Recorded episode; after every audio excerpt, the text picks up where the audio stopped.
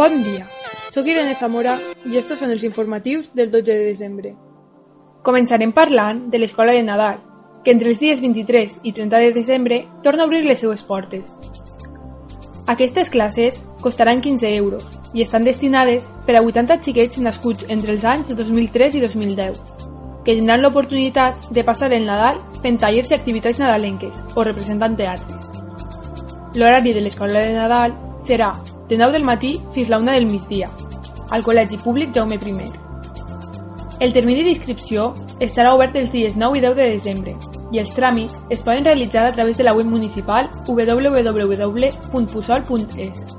o de forma presencial de 4 i mitja a 7 i mitja de la vesprada, a l'espai social Martínez Coll. D'altra banda, els joves socialistes de la localitat han preparat una recollida de joguets amb l'objectiu de que cap xiquet es quede sense un en aquestes festes de Nadal. Per a donar algun joguet, hi ha que acudir a la seu del PSOE els dimarts, dijous i divendres, de 10 i mitja a 1 i mitja pel matí i de 5 a 8 per la vesprada. Parlem ara del sisè encontre de natació, que organitza el passat 29 de novembre el Club Tripusol, on es reuniren més de 150 atletes, pertanyents a 11 escoles de triatló i duatló, com l'Escola del Puig, de Segobre, Manises, Sueca, Bétera, Nules, Moncada i Alaquàs, on participaren alumnes de diferents categories, des del multiesport fins a cadets. Aquest encontre porta celebrant-se durant sis edicions, al principi de temporada, i ajuda a les diferents escoles que acudeixen a controlar els progressos i a conèixer altres atletes d'altres clubs.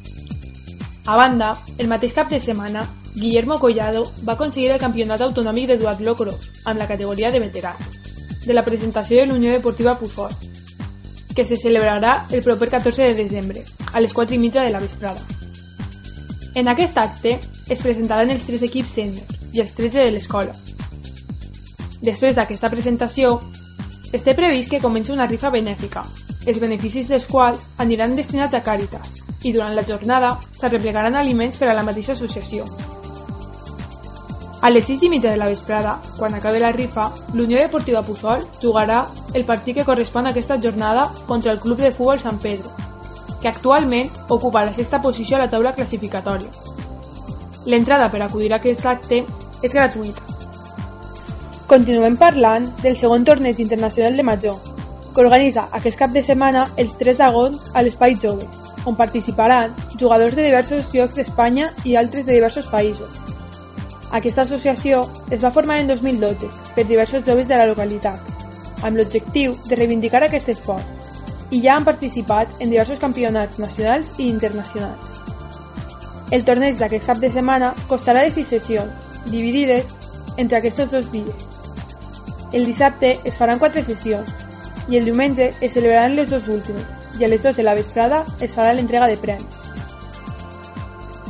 El primer torneig puntuable en el rànquing europeu es va fer l'any passat, també a l'Espai Jove, i aquest any es consolida el, el torneig per a donar a conèixer aquest esport.